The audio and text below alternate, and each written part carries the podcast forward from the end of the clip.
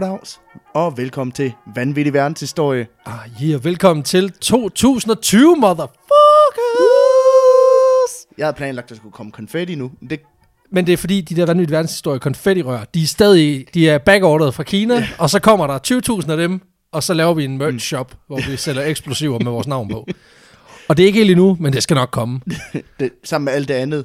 Yes. Øh, campingvognen, Campingvognen, køleskabet, ostebrættet og alt det andet fede. alt det merch, vi har, Lige præcis. lige på trapperne. Ja, og du lytter til Vanvittig Verdenshistorie med mig, din vært, Alexander Janku, a.k.a. Simon Supersonic, og min medvært. Pedaled. Ja tak, så kraftedeme. Det er lige sjovt hver gang, altså, det fungerer sgu meget godt. Og øhm, det er en fuldlængde afsnit. Ja, det første i 2020. Ja tak, og det bliver et vildt af slagsen. Jeg har øl med, og du har Og jeg- krus kopper. Jeg har kruskopper. Det er sådan nogle... Hvad, hvad er det? det jeg, ved, ikke- jeg ved ikke engang, hvor de er fra. Jeg tror, det er den store IKEA-kop, den Ja, der. det er den store IKEA-kop. Det er, de, de er i hvert fald rigtig gode at drikke øh, varm kakao af, fordi der er plads til masser af flødeskum på ja, der er toppen, virkelig, fordi- altså, det er et Altså, liters glas. Altså, diameteren er jo koloenorm. Ja, på de præcis. her. Det er sådan nogle Der- hvide krus. Ja tak, og der kan være cirka en dåse i, og det er perfekt. Vi skal have noget øl, og øhm, jeg har taget øh, to øl med fra, øh, mm. fra skotske Brewdog, fordi det var sådan lige lidt hurtigt efter arbejde. Hov, vi grabber lige de her. Så det vi drikker i dag, det er, at vi starter med at drikke en Dead Pony Club, Uh. som er en øh, session IPA på... Som er øh, opkaldt efter øh, reaktionerne på, da de, da de valgte at, at aflyse den nye sæson af My Little Pony. Ja tak, og det, var, ja, og det er jo ligesom, altså, det er ligesom alle andre fanklubber, så er der simpelthen Dead Pony Club, og de, øh, de mener det alvorligt. Altså, ja. det er værre end, end øh, black metal fans. De er, de er fucking hardcore, de her typer. Og øhm, det er en session IPA på, på, på 3,7 procent eller sådan noget, så den er super nem at drikke, og det er bare, altså det er sådan, man bare hælder i svældet. Fedt. Så øh, jeg åbner. Jesus Hold da kæft, mand. Ja, okay. Det er en han. Det var, jeg hedder med mig en, en harn. en harn solo. Det skal jo siges, at vi, at vi optager det her den, øh, den 3. januar. Ja, tak. Øh, nej, Google vil røv. Vi optager den, den, Den 2. 2. januar. Den 2. januar, sgu da. Øh, så, så tømmermændene fra nytårsaften, de har, altså, de har lige lagt sig. Jeg, jeg er stadigvæk sådan, Jamen, det- konfetti og de der øh, serpentiner til at hænge i, i lampen. Og altså, gulvet altså, er lidt fedtet stadigvæk også. Lad os sige det sådan her, jeg flyttede jo jeg flyttede fra min lejlighed her 15. november, og øh, min, gamle, min gamle lejlighed. Og der fandt vi altså konfetti fra øh, vores nytårsfest. Og vi har kun holdt, så vidt jeg husker, én nytårsfest, hvor der var konfetti, og det var sådan det første år, vi flyttede ind. Ja. Og vi har boet der i seks år. Så det bliver der for evigt. Øhm, Man bliver overrasket. jamen, det gør man virkelig, og det er så hyggeligt. Øhm, den er frisk, den her. Skål. Duften af, duften af humle. Det er fandme lækkert. Og så drukket af krus, Jamen, som, det er den, det. som den jo skal drikkes. Det er det, og den har sådan lidt, sådan et øh, græsset, øh, øh, krydrede noter, en lille smule Ja, igen, høfeberen. Ja, Den- lige præcis. Lige præcis. Den kører herovre. En lille smule brød også, og så har den sådan en lille snært af noget citrus. Det er bare, det det er easy drinking det her. Hvis du skal lære at drikke en IPA, altså bitterøl, så skal du simpelthen hoppe i det her, eller i sådan noget øh, New England IPA. Så det er bare lige et råd til jer alle sammen derude. Dead Pony Club fra, fra Brewdog, det er nemt at lære at drikke. Og det er jo igen lidt uhyggeligt, tanken om, at, man skal, at det skal være let at lære at drikke. Men Mm. altså, det er måske også meget fint på en eller anden måde.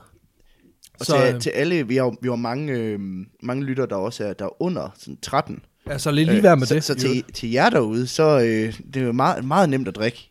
Ja, præcis. så kan jeg anbefale den røde Kinleys sodavand fra øh, Coca-Cola Company. Den er fandme også god. Kinleys. Kinleys, ja, det er sådan en rød sodavand. De har en rød og en gul, og den røde, den smager sindssygt godt. Og den smager virkelig, altså sådan syntetisk øh, hindbærsmag, men den er virkelig mm. god. Altså, det er sådan, det er sådan rigtig hindbærbrus skal smage. Nå, vi skal ikke sidde og snakke hindbærbrus, fordi i dag, der skal vi hygge. Det skal vi. Fedt. Ja, præcis, fordi vi skal snakke om, øh, om noget, som jeg jo egentlig teasede lidt for, før, øh, før nytår. Nemlig, at vi i dag skal tilbage til 30'erne og 40'ernes Tyskland. Uh, Fordi vi skal i dag snakke om en organisation, inde i en, som er inde i en, en af moderne tids mest effektive og verdensomspændende koncerner. Det er, ikke den, det er ikke sådan en koncern, alle synes er fedt. Altså, det er ikke sådan Lucasfilms eller Lego. Det er mm, det nazistiske parti øh, i Tyskland under 2. verdenskrig. Fedt. Ja, vi skal snakke om nazistpartiet. Og øhm, Samme parti, som prøvede at afskaffe julen. Ja, lige præcis. Jamen altså, det hele hænger jo sammen, ikke? Og øh, det er jo sådan, at nazisterne sådan, fra et organisationsperspektiv altså, der er de jo virkelig kommet vidt omkring, mm. efter de blev dannet i 1920, og faktisk frem til de blev opløst i efteråret 1945. Og det, det var sådan en lidt sjov detalje, jeg fandt, nemlig at de faktisk først blev opløst i oktober 1945. Altså sådan ungefær fem måneder efter krigen den var slut. Ja. Eller i hvert fald fem måneder efter, at øh, Danmark blev befriet, og seks måneder efter, at Hitler han skød sig selv i en bunker. Eko rejste med en ubåd til Argentina, og senere til en hemmelig base på Antarktis, mm. hvorefter han tog en raket op til den mørke side af månen, hvor han i dag bor. Ja. Og venter Hashtag på, conspiracy. og venter bare på at slå til. Lige præcis som mega Hitler. Men det ved alle jo. Det ved vi alle sammen, så det springer vi bare lidt hen, elegant henover.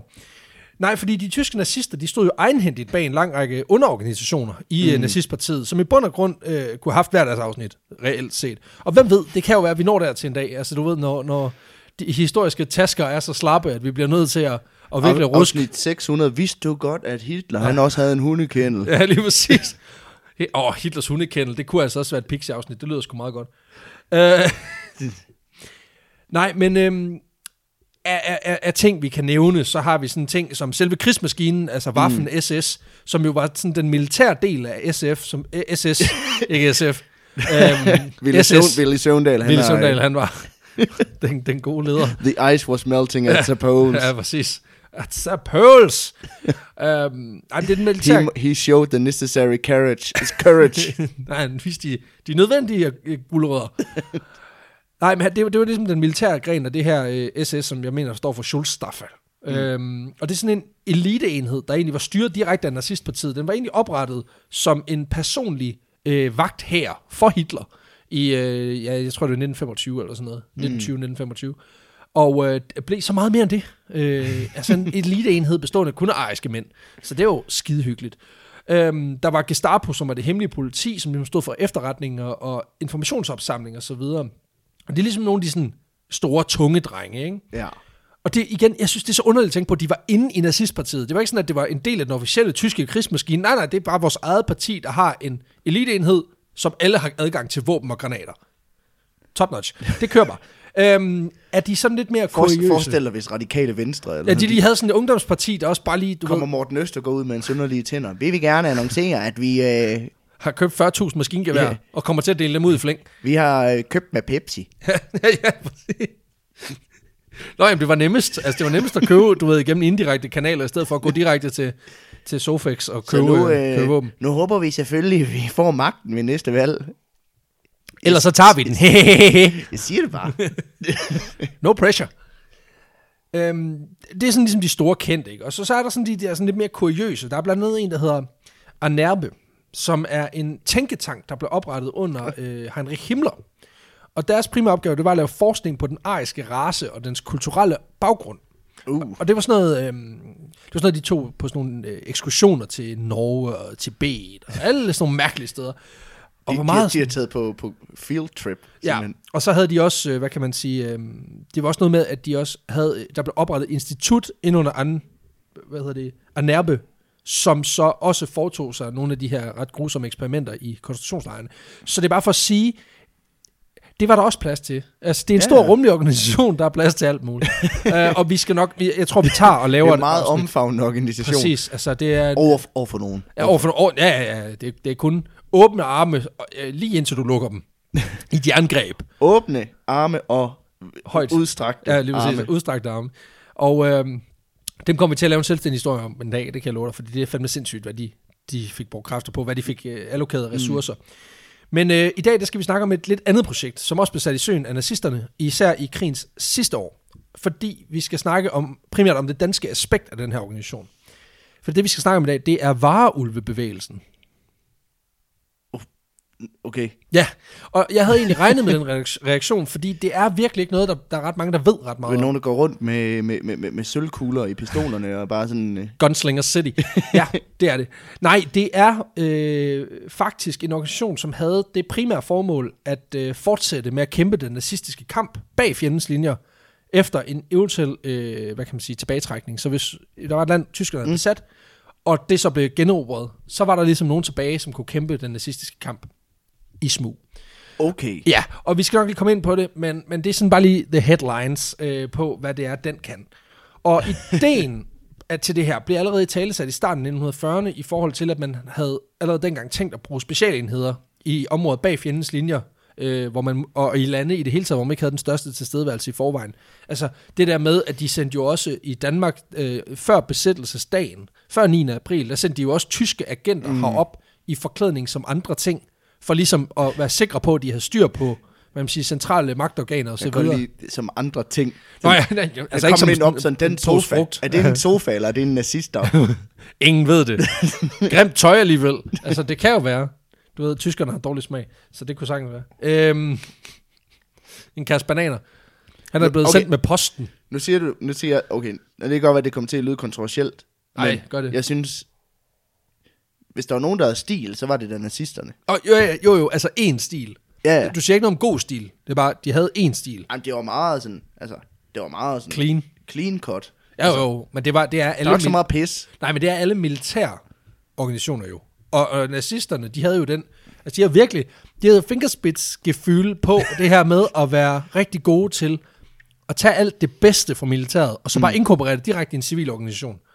Lederskab, øh, mobning af folk, der så anderledes ud. Alle de gode ting. Ja. Dem alt, tager alt, vi. det, alt det fede. Alt det, det fede fra militæret, bare direkte ind Det, der skaber til almindelige mennesker. Lige præcis. Og ja, altså fremmedhed. det skaber, altså hvad er det, det hvad man siger sådan noget? Ydre kaos skaber, skaber Indre indre, indre fred, ja, lige præcis. Så, øh, og det var også det, de gjorde med, øh, med det her projekt, kan man sige. Det var i hvert fald det, der var tanken.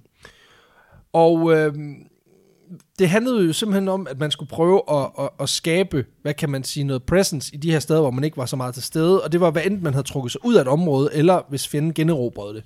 Fordi så havde man ligesom mulighed for stadigvæk at via meget få dedikerede sympatisører at skabe frygt og redsel, som jo er det, nazisterne var bedst til. Så det er mere en terrororganisation på en Ja, det, det er faktisk pre- pretty much det. Så det, det, det er lone wolves. Lone, lone, Jamen, det er jo så, lone werewolves. ja, det kan man sige, øh, og det kommer vi også ind på, fordi man kan sige, de første par år, du ved, mm. hvor det bare gik fedt, og hvor der var startup stemning, og det bare var high fives all around, der, øh, der Og, havde man og ikke... sækkestole Og sækkestole. og, og lave lamper. Præcis, hvor havde sin, sin jampad, hvor man bare kunne sidde og hygge, og Det var det tyske Silicon Valley. du ved, hvor man bare havde projekthoteller og kunne lave alt muligt cray cray. Ja, der var der ikke mange, der tænkte på det her tilbagetrækningsstrategi. Ej, ej. Men, men, men, men sådan i takt med, at, at øh, vi ligesom er på vej i, i, en anden retning, så der i, i 44, der begynder selv de mest inkarnerede fans af nazismen, Himmler indbefattet, øh, formentlig at tænke, at det godt kunne være en god idé at, at, at tænke sådan en eller anden form for plan efter, hvis det nu gik galt i forretningen. Ikke? Mm. Og det ved vi jo selvfølgelig ikke noget om, så det er jo bare... IT Factory i den. Hvis der gik IT Factory i den. Og man kan sige, det gjorde der jo også i forhold til Operation Valkyrie, hvor nogen der prøver at dræbe ham og sådan nogle ting. Altså interne magtovertagelser og sådan noget. Ja. Det, er ikke, det er ikke sådan noget, der sker i en virksomhed, hvor der bare er succes. Altså det er, når der begynder at være problemer øh, er på ikke- skibet, så, øh, Det er ikke sket i Google. så er der, nej, præcis, så er der mytteri. Ikke? Um, for lige at tage en status, så øh, i 1944, der står tyskerne der, at de har fået Kopolia tæv øst på, og, og siden starten af 1943, der er den front sådan set bare blevet presset fra Rusland, fra mm. den russiske kampagne tilbage mod den tyske grænse. Øh, I Nordafrika, der har Erwin Rommel, han har ligesom fucket øh, grundigt op. Øh, det har han jo ikke, han har jo gjort, hvad han kunne. Ja. Men han har fået Kopolia tæv, og øh, de allierede styrker har sådan set genindtaget rigtig meget af Algeriet og det nordlige Afrika, og dermed også fundet ud af, at man nu kan sende forsyninger ind i det sydlige Europa, blandt andet til Italien, hvor øh, blandt andet der bliver sendt en, en polsk bjørn ind, som, øh, som en form for soldat. Der også skide hyggeligt. Det er vores øh, gode ven Vostek. Vostek. Vostek. Øhm, så, så på den måde kan man sige, at, at de er presset på de fronter der, og så kommer amerikanerne jo så også ligesom på krigsstien efter Pearl Harbor, som sket et par år tidligere, og i, i, i løbet af 44, der får vi D-dagen, som også virkelig mm. sætter pres på. Så man kan sige, de er sådan ligesom presset på alle fronter, ikke? Ja, det, der er kommet mange konkurrenter på IT-markedet. Lige præcis, ikke? Altså, det, Boblen, den er ved at... det, det, det er et hårdt marked, og du, du, deres organisationsstruktur er simpelthen bare ikke gearet til at blive disrupted så hårdt. Så, øh, De skulle have valgt en mere horisontal ledelsesstil. Præcis, ikke det der hierarkiske pis. Men øh, godt lide, at vi sådan tager moderne holistisk ledelse og prøver at presse det ned over nazistpartiet. Det, det er på en eller anden måde meget fint. Og det er måske også lidt sådan hen over hovedet på almindelige mennesker, men jeg synes, vi skal bibeholde den der CBS-agtige tilgang til vores ja. podcast. Det, det, det, det huer os. Det betyder i hvert fald, at man ryger tilbage til tegnebrættet 1944 og Okay. prøver at finde ud af, hvad fanden kan vi gøre. Og planen er, at man ligesom får de her ligesindede til at tage kampen op for nazismen, og gøre det bag fjendens, linje for at destabilisere og skabe frygt osv.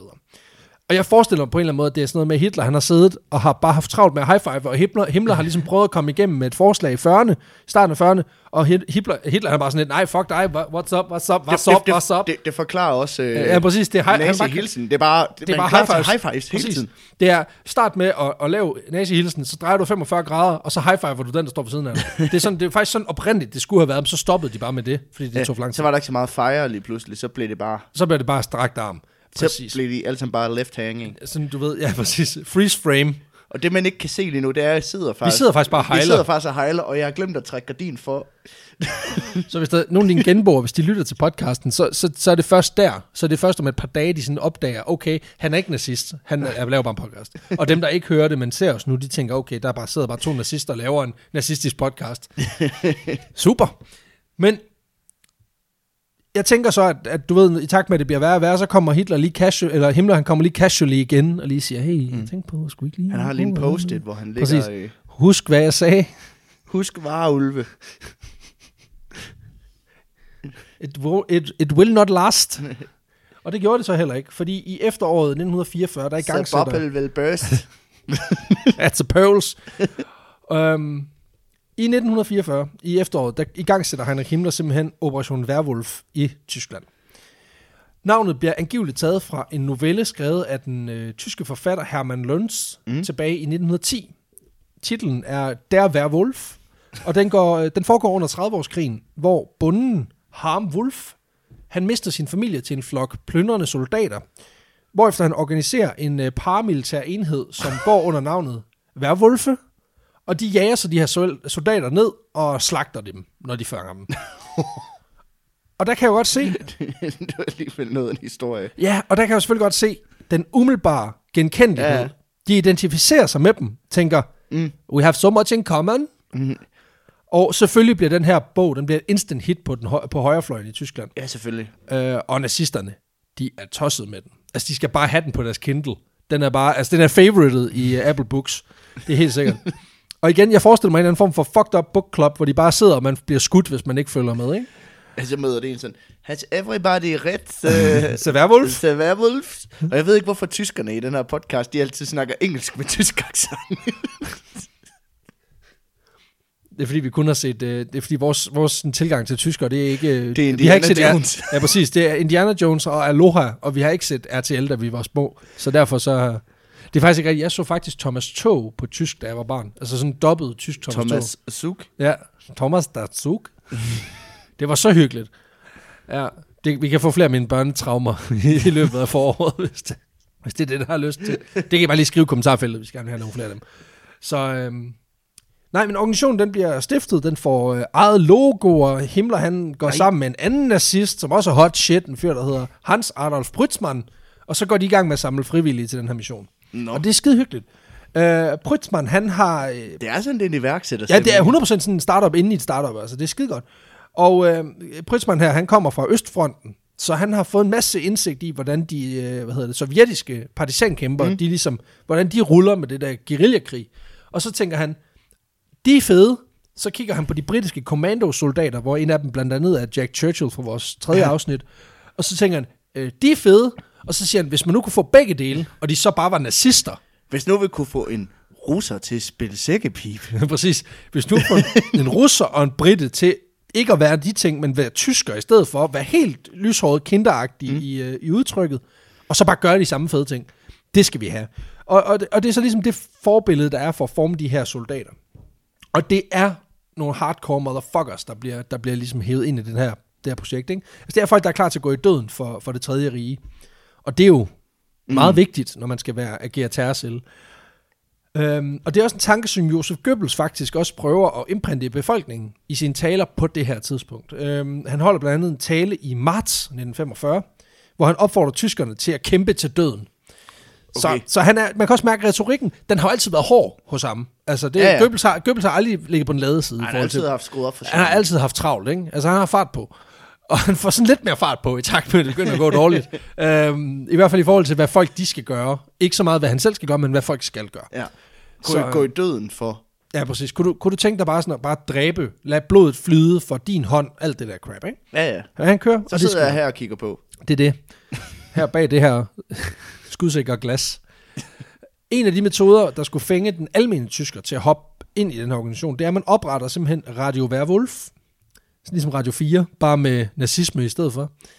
Og, Det var øh, det, min genboer, de tror, vi sidder og laver her. Det er Når vi sidder er, det, er det et program til Radio Loud, eller hvad fanden foregår der? øhm, og øh, ja, det er simpelthen en radio, hvor man øh, øh, laver nogle øh, sange, spiller nogle sange, holder nogle taler, nogle propagandataler. Øh, og sangene, det er sådan nogle, der indeholder tekster om, hvordan vareulve, vareulve dræber deres fjender. Fedt. Og så har de simpelthen også et Det er metal. jeg ved, ja, det er, det er faktisk ret metal radio, fordi en af de andre ting, der også bliver spillet her, det er sådan set bare straight up ulvelyde, der bare bliver spillet. Jeg forestiller mig, at en der har haft sådan et, du ved, sådan et soundboard, og så bare haft... Præcis. Så du kan forestille dig en jingle fra Radio ABC, bare med, bare med varulve-lyde. Hallo, her er uh, DJ Wolf. And now, for our friend of and family of the, of the program, uh, Josef Goebbels, everybody. Og så igen med engelsk med tysk accent.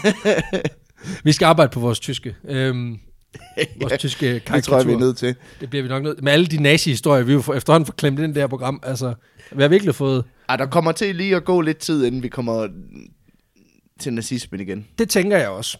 Og øh, det der så er, man kan sige, problemet ved det her, det er jo, altså en ting er, at, at de her taler, de jo så for det første sådan skaber øh, bevidsthed om, at mm. werewolf, altså at folk de skal, med, der, det er ikke sådan noget med, at der er en indmeldingsblanket og sådan noget, der bliver bare sådan opfordret til, at du skal gå i kamp mod mm. de invaderende styrker, og du skal så, slå dem ihjel. Så det er lidt ligesom den måde, som sådan noget som, som islamisk stat fungerer på. Der jo heller ikke er en organisation som sådan, du melder dig ind i, men egentlig er en, man kan sige, en, en, en, gruppe af sådan nogle mindre, Små celler. små celler der Ja. individuelt organiserer sig. Ja, men det kan man sige, men, men, men hvordan? virkeligheden er også bare, det er jo også bare nazified ind i helvede, fordi der, hvis der var noget, nazisterne de var gode til, så var det byråkrati. Ja. Altså, de skrev jo for helvede alting ned. Og det tror jeg også, at det, hvis igen, hvis du kigger på ISIS, de, de eller De Daesh, de, jo, men det gjorde de jo også, det fandt man jo også ud af, da, da de havde trukket sig tilbage fra Raqqa og sådan noget. Mm. Så finder du jo kraftigt ud at der var indmeldingsblanketter til alt muligt. Altså, de kørte jo også en stat, Ja, og det var måske også det, der gjorde, at de rent faktisk kunne holde det så det længe. involverer også byråkrati. kan Jamen, det gør det jo. Altså, der er nogen, der ligesom sørger for, hvem, hvordan skal vi fordele vores soldater, hvordan skal de have en lejlighed, hvad så med deres vandregninger, skal de betales, alt det der crap, ikke? Altså, der er også en kedelig side af det at have en uh, international terrororganisation. Men der er jo så også i, i ISIS, er der alle de her lone wolves, alle de her ensomme er rigtigt. rundt omkring, der så bliver inspireret netop af det her propaganda og sådan noget. Og det er måske mere sådan noget, de Det er lige præcis det. Her. Okay. Det er lige præcis det. Og man kan sige, det har jo så også den bief- bieffekt, øhm, at det her, det giver også anledning til bekymring, fordi at de her allierede styrker, mm. de hører jo også, at der er de her udsendelser. Og, og det er jo ikke ligefrem... Bare de der ulvelyde, hvad foregår? Og, altså, det starter med, at man tænker, at det er sådan noget arti-tysk shit, det gider jeg ikke at høre på. Uh, lad mig få noget, øh, noget Wagner og noget. Men, men, men ideen om, at der ligesom bliver snakket om det her med, at man, at man skal, øh, at de bliver opfordret til, at du skal gå i døden for dit, øh, fordi, og slå de invaderende styrker ihjel, når de har ryggen til dig, og alt det der, ikke? Det gjorde jo så også, at man kan sige, altså, at, at de begynder også at blive bevidste om, at der er i gang, at, der, at, at de der tilbageværende, mm. den tilbageværende krigsmaskine i Tyskland er i gang med at omdanne nazister til sliberceller rundt omkring i de områder, de er på vej ind i.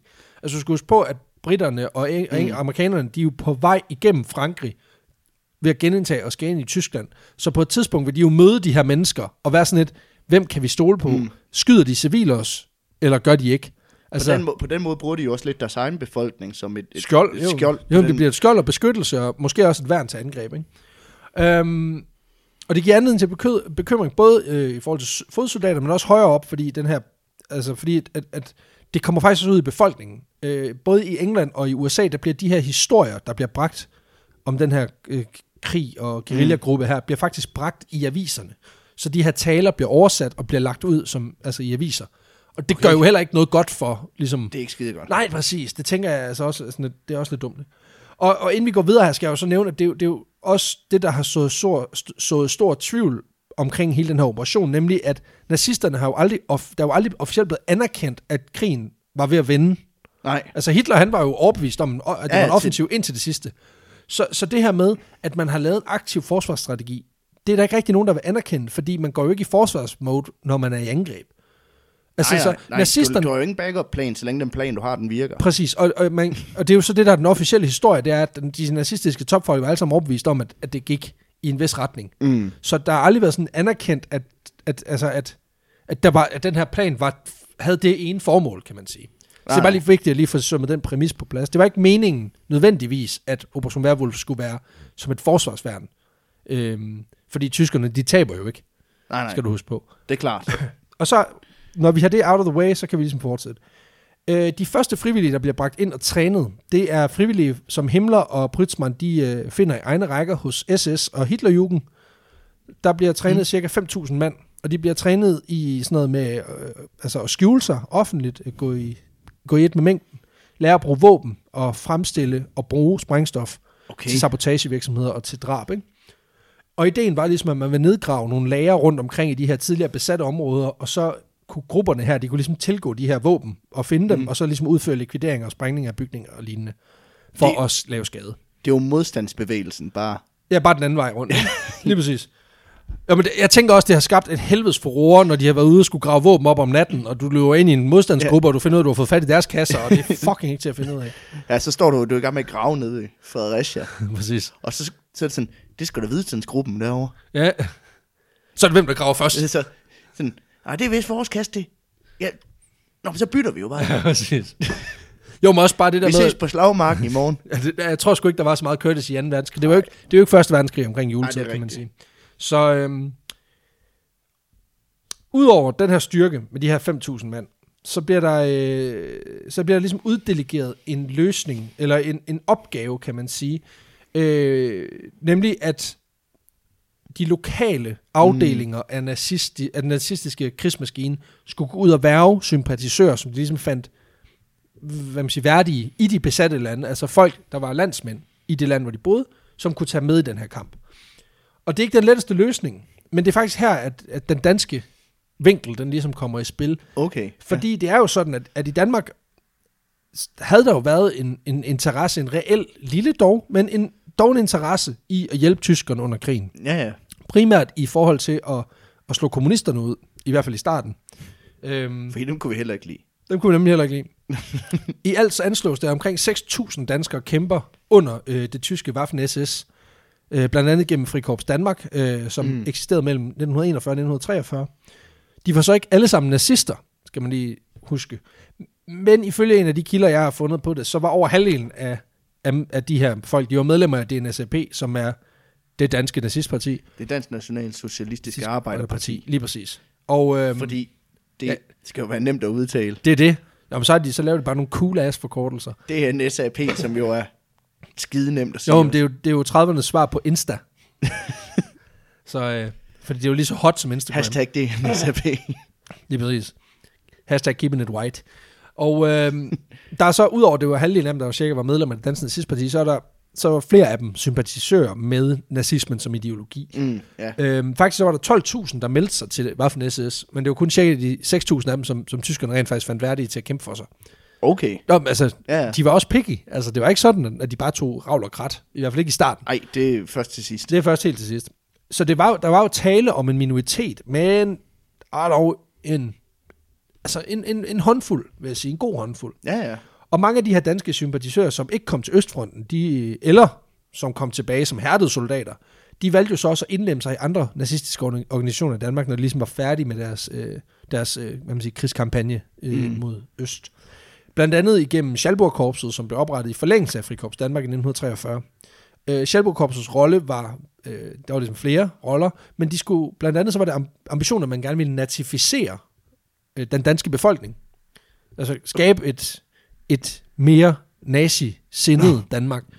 Øh, så skulle de holde ro og orden i Danmark, og så skulle de ligesom levere de her resultater, som den tyske øh, øh, magt øh, elite havde ligesom ikke ment, den, at det danske politi eller den danske regering havde, havde gjort i forhold til at holde øh, sabotagen Mm. på et minimum. Og ligesom også for at prøve at, at slå den her modstandskamp ned, som jo var der, og blev, ja. kun blev større igennem krigen. Der var andre, der blev medlem af Hippokorpset, som var det tyske Hilfspolizei, som blev oprettet i forbindelse med, at tyskerne de valgte i 1944 at internere og opløse det danske politi. Ja. Man tog simpelthen bare arresteret dem man kunne finde, som var politifolk, og så sendte man dem i koncentrationslejre. Det er noget med, at 75 procent af dansk politi nåede at gå under jorden og flygte mm. og sådan noget, men, men stadigvæk en stor del, som endte med at komme i koncentrationslejre, fordi de var politifolk. Og det er jo så også der, at, at man, øh, man lavede Frøslevlejren Ja. øh, til, til at internere er rigtig rigtigt. mange af de her. Og det var netop noget, den, så vidt jeg erindrer noget, den danske regering netop gik med til, fordi man så kunne undgå, at de i hvert fald kom i en koncentrationslejr. i Tyskland. Ja, Ja, hvor ja, her øh, med Frøslevlejren kunne man trods alt holde lidt mere øje med. ja hvad der foregik, at der ikke var Og det var jo en krigsforbrydelser arbejdslejr, ikke en udryddelseslejr. Ej, præcis. Og igen, vildt nok, at der engang har været sådan, at man har levet i en tid, hvor det har været et reelt valg imellem. Og i Den dag, ene ligger, eller den anden. I dag ligger der en efterskole i Nå, Frøslevlejren. det er så hyggeligt. Altså, for helvede, mand. Hvor, ej, hvor vi hygger. øhm, Udover det her øh, Hilfspolizei, så kunne man blive medlem af Sommerkorpset, som var sådan et, øh, hvad man siger, et vagtværn for flypladser og fabrikker, der hjalp besættelsesmagten. Så du ved, hvis du nu var, forestiller dig, sådan en form for øh, øh, industrialist, Ja. du har haft en rigtig god forretning i mange, mange år, så kommer der nogle nazister, banker på og siger, i øvrigt, øh, hader du ikke bare dit land? Og du siger, jo, det gør jeg, så jeg vil gerne øh, tjene en masse penge på jer. Så sender de skulle lige nogle GPS-vagter med over, øh, til at passe på dit, dit, dit crib, mens, øh, mens du bare bryder. Den øh, flyveplads, du har i, i lige baghånden, præcis. ikke? Præcis, og det er bare fedt, øh, lige at få lidt hjælp fra, fra nazister. Der, det er altid fedt. Der var de jo gode. De var, De var- der de- kan man sige, de var de- hjælpsomme. De var rakte altid hånden ud. Altså, de kaldte også deres politi for hjælpepoliti. Altså, Ja, ja, i stedet for bare politi. Så Ja, det er ja. altså bare lige for at sige, de var nogle venlige typer.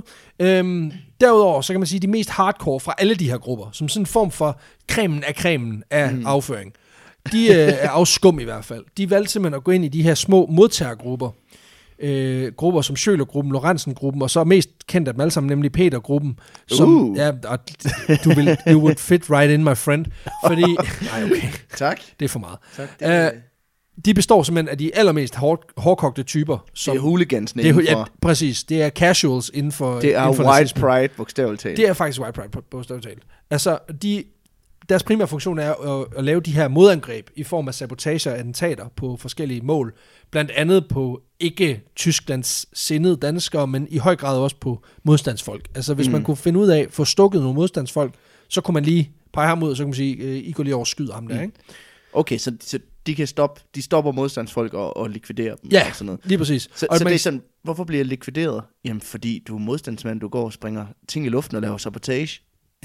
Ja, right back at you. Det gør I jo også. Jo, men vi er på the winning side. Jamen, er I nu det? Ja, ja. Hold din... Du skal ikke diskutere med mig. Det siger Hitler. Bam, bam, bam, bam. Så kører det. Og så er der bare... Så er der drop. Uh, Ja, præcis. Spiller lidt wolf track og løber. Øhm, jeg tror ikke, de lavede så mange drive-bys i, i 40'erne. Dem- Men igen, jeg ved det ikke. Der var ikke benzin og sådan noget, så det, var- øh, der var i hvert fald benzinbegrænsning, så det kunne jo sagtens være. Og man kan sige, en del af den her modtager, mm. det er jo noget, der ligesom sker på foranledning af de nazistiske ledere, der er faktisk både dem, der sidder i Danmark, som ligesom har lovet at genoprette øh, uroen, men også fra den tyske øh, top i Tyskland. Blandt andet Hitler selv, som jo på et tidspunkt i, jeg tror det er i slut 43, han siger, nu har jeg kraftedeme fået nok af det der, af de der danskere, og alt deres mm. pis, så nu må I kraftedeme gøre noget. Mm, citat Altså, han, slut. han tager lige en executive beslutning der, ikke? Og, øhm, og det er jo fordi... Der er fordammt den dane. Der er fordampt den dane. Jamen altså, det, jeg forestiller mig, at han har sagt noget lignende det der. Det er jo sådan, at, at modstanden i Danmark var jo ikke lige frem... Altså, den var, den var, den var ikke til at, altså, den var til at få øje på, kan man sige. Mm. Fordi allerede dengang tyskerne går ind, der har man det jo sådan lidt, der, er- der er nogen, der, der er lidt sur på befolkningen, eller på regeringen over, at de bare lader sig overrende. Man laver den her, den her famøse samarbejdsaftale, for at sikre, at danskerne ikke bliver smadret. Fordi jeg tror også, at politikerne har også været sådan lidt, altså prøv nu at høre, de har et luftvåben, der er større end vores befolkning. Altså, de smadrer os Ja. fuldstændig. Men det er bare ikke et argument for at bare lade sig trumfe. Så hellere blive, altså det er også noget med, at de erklærede jo ikke krig imod os. De besatte os jo bare. Ja, de kigger bare ind, og De så gik jo bare ind og sagde, det er vores nu. Så, og så var vi sådan, ja, det er det, ja, værsgo. det, det er det vist nok bare. Vil, vil, vil I have noget at drikke også? vil Vil du have fritter til, eller hvad? Sæt jer ned, altså. Lad som om I er hjemme. Ja, det er jo så også nu. De, satte lige, de tog lige tilbage, hvad der var deres, øh, op til, øh, ikke op til, op til konge, og kongeåen, og så bare...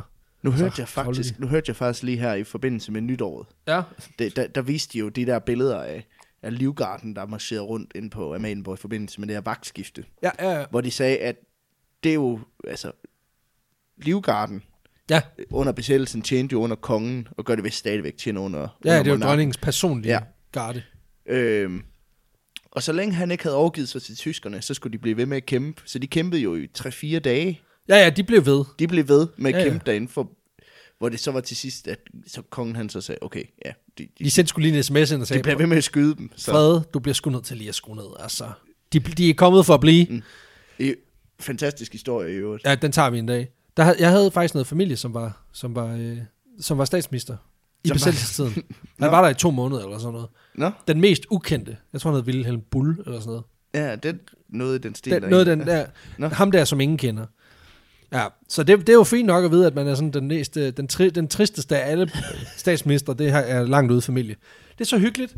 Øhm, nej, vi skal videre, fordi det der sker, det er jo, at, at en ting er, at de hader dem, da de kommer ind. Mm. En anden ting er, at den modstand, den stiger jo også bare op igennem krigens tid.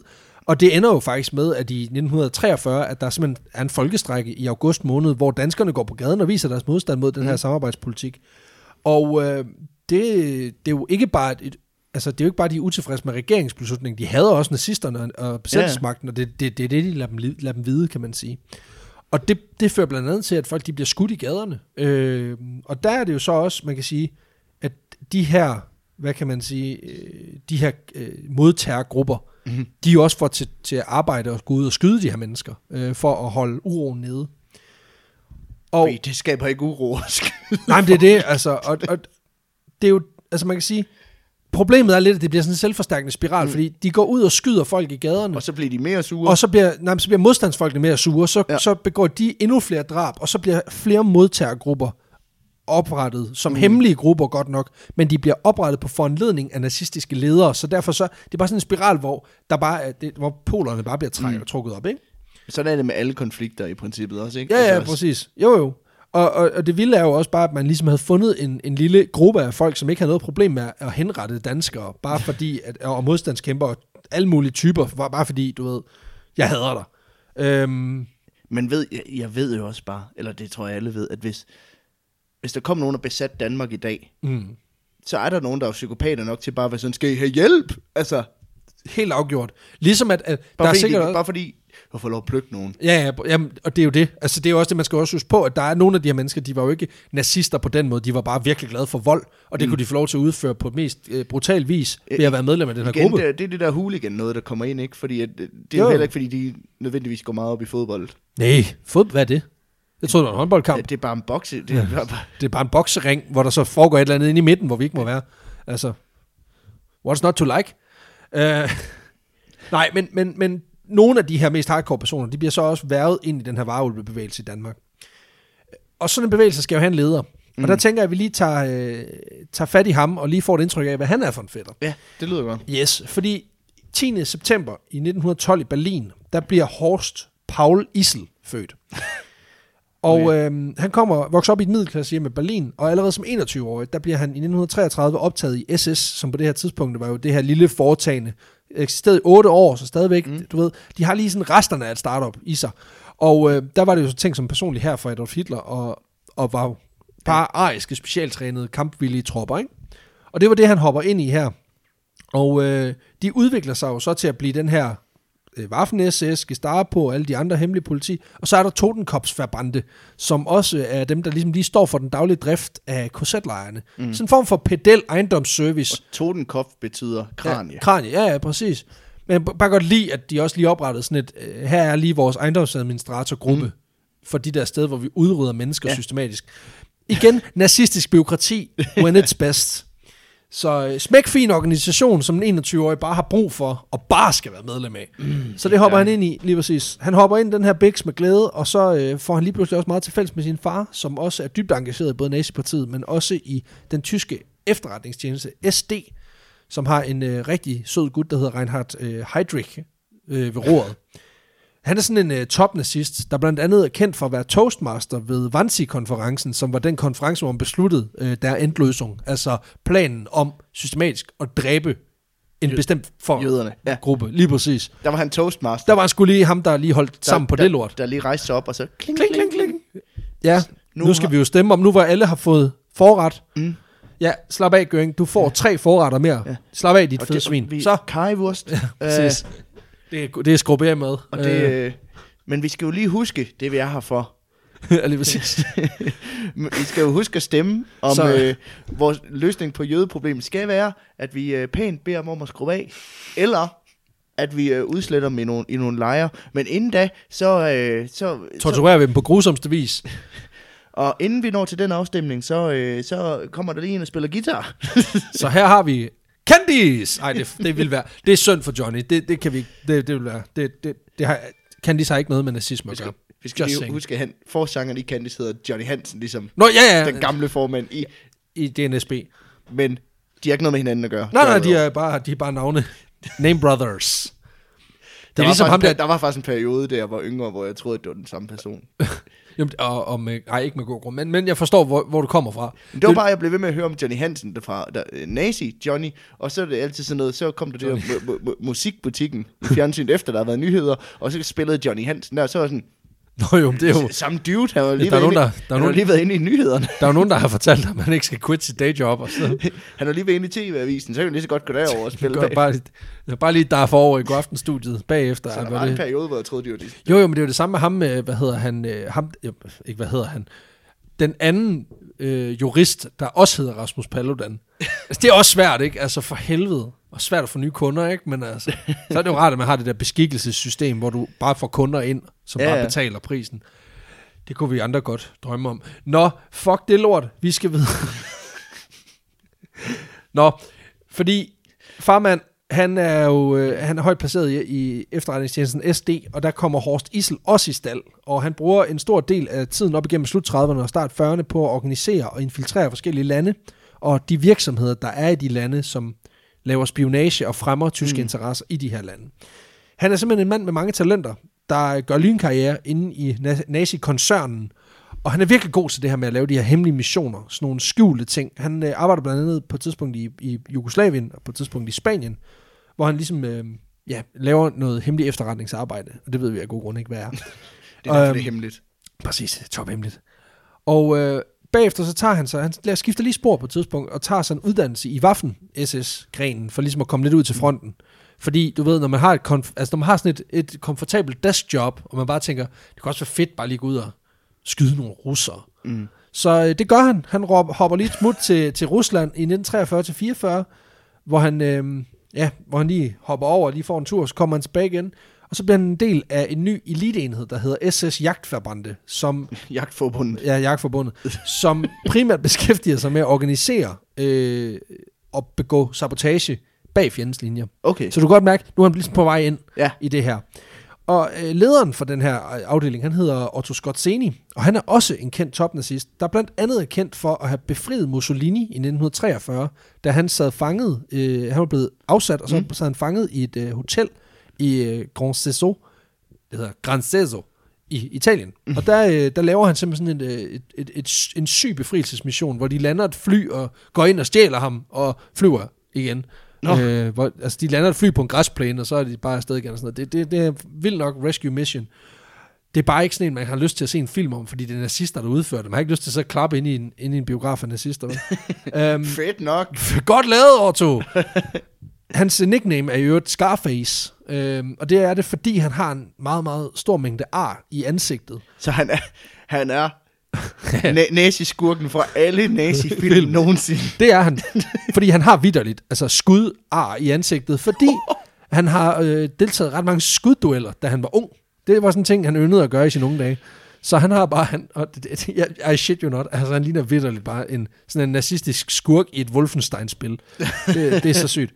Um, I jagtforbandet, der får Horst Isel, han får simpelthen til opgave at etablere de her vareudviklgrupper i Danmark. Fordi man var bange for, at det er jo sådan, at Danmark var jo ikke en interessant hvad man siger, landmasse i sig selv i den forstand. Mm. Udover at det var en skidegod, sådan, det var god produktionsfacilitet for mad, fordi vi havde en masse svin, og det var lækkert. Og, og så var det også, fordi man kunne kontrollere, hvad kan man sige, havet mm. øhm, ud, til, øh, ud til Østersøen. Men det Øh, var en stor del af grunden til, at de også tog Danmark, som jeg forstod det, handlede også om, at man var bange for, at englænderne skulle Mm. tage, øh, altså i- ja, så havde de invadere, ligesom en indgang, ikke? invadere gennem Danmark. Ja, ja, præcis. Øhm, Og det samme også med russerne, og det er faktisk derfor, det er fordi, man var bange for, at russerne de ville tage det nu. Øh, og derfor sætter man ligesom den her plan in motion, øh, fordi man tænker, det er bedre at kæmpe med guerillataktik, end det er at, ligesom at, at kæmpe åbent. Så han kommer til Danmark i 1944, Og der hopper han direkte ind i Peter-gruppen, som jo er den mest hardcore, det har vi fået etableret, det mest hardcore af de nazistiske modtagerbevægelser. Og øhm, ja, og han passer lige ind, fordi han øh, hopper sådan set bare ind som en indskifter i fodbold, og han går bare i gang med at udføre aktioner og, og foretager personligt flere øh, snimor. Bare sådan, right off the bat. Jeg ved ikke, om det er sådan noget for at imponere, for at vise, i øvrigt, jeg ved godt, jeg er den nye her i forretningen, men nu skal jeg lige vise. Prøv, prøv, lige, snap. prøv lige at tjekke det her. Var det lige sejt? Det er første gang, jeg sådan reelt griner, fordi at det er også bare så fucked up svært at grine af det her. Fordi det er, det er så sindssygt. Øhm, men ja, han øh, hopper simpelthen ind, og så går han i gang med at, at etablere, hvad kan man sige, de her, den her vareulvegruppe. Han starter lige med at tage sig et alias, og bliver kendt som Horst Waldenburg blandt venner. Jeg går også ud fra, at han har taget sådan en falsk overskæg fra Tiger, og lige sat det på. Øhm, og han går i gang med at være folk inde i Peter-gruppen og i Schalburg-korpset. Øh, mm. Og etablere de her grupper i hele Danmark.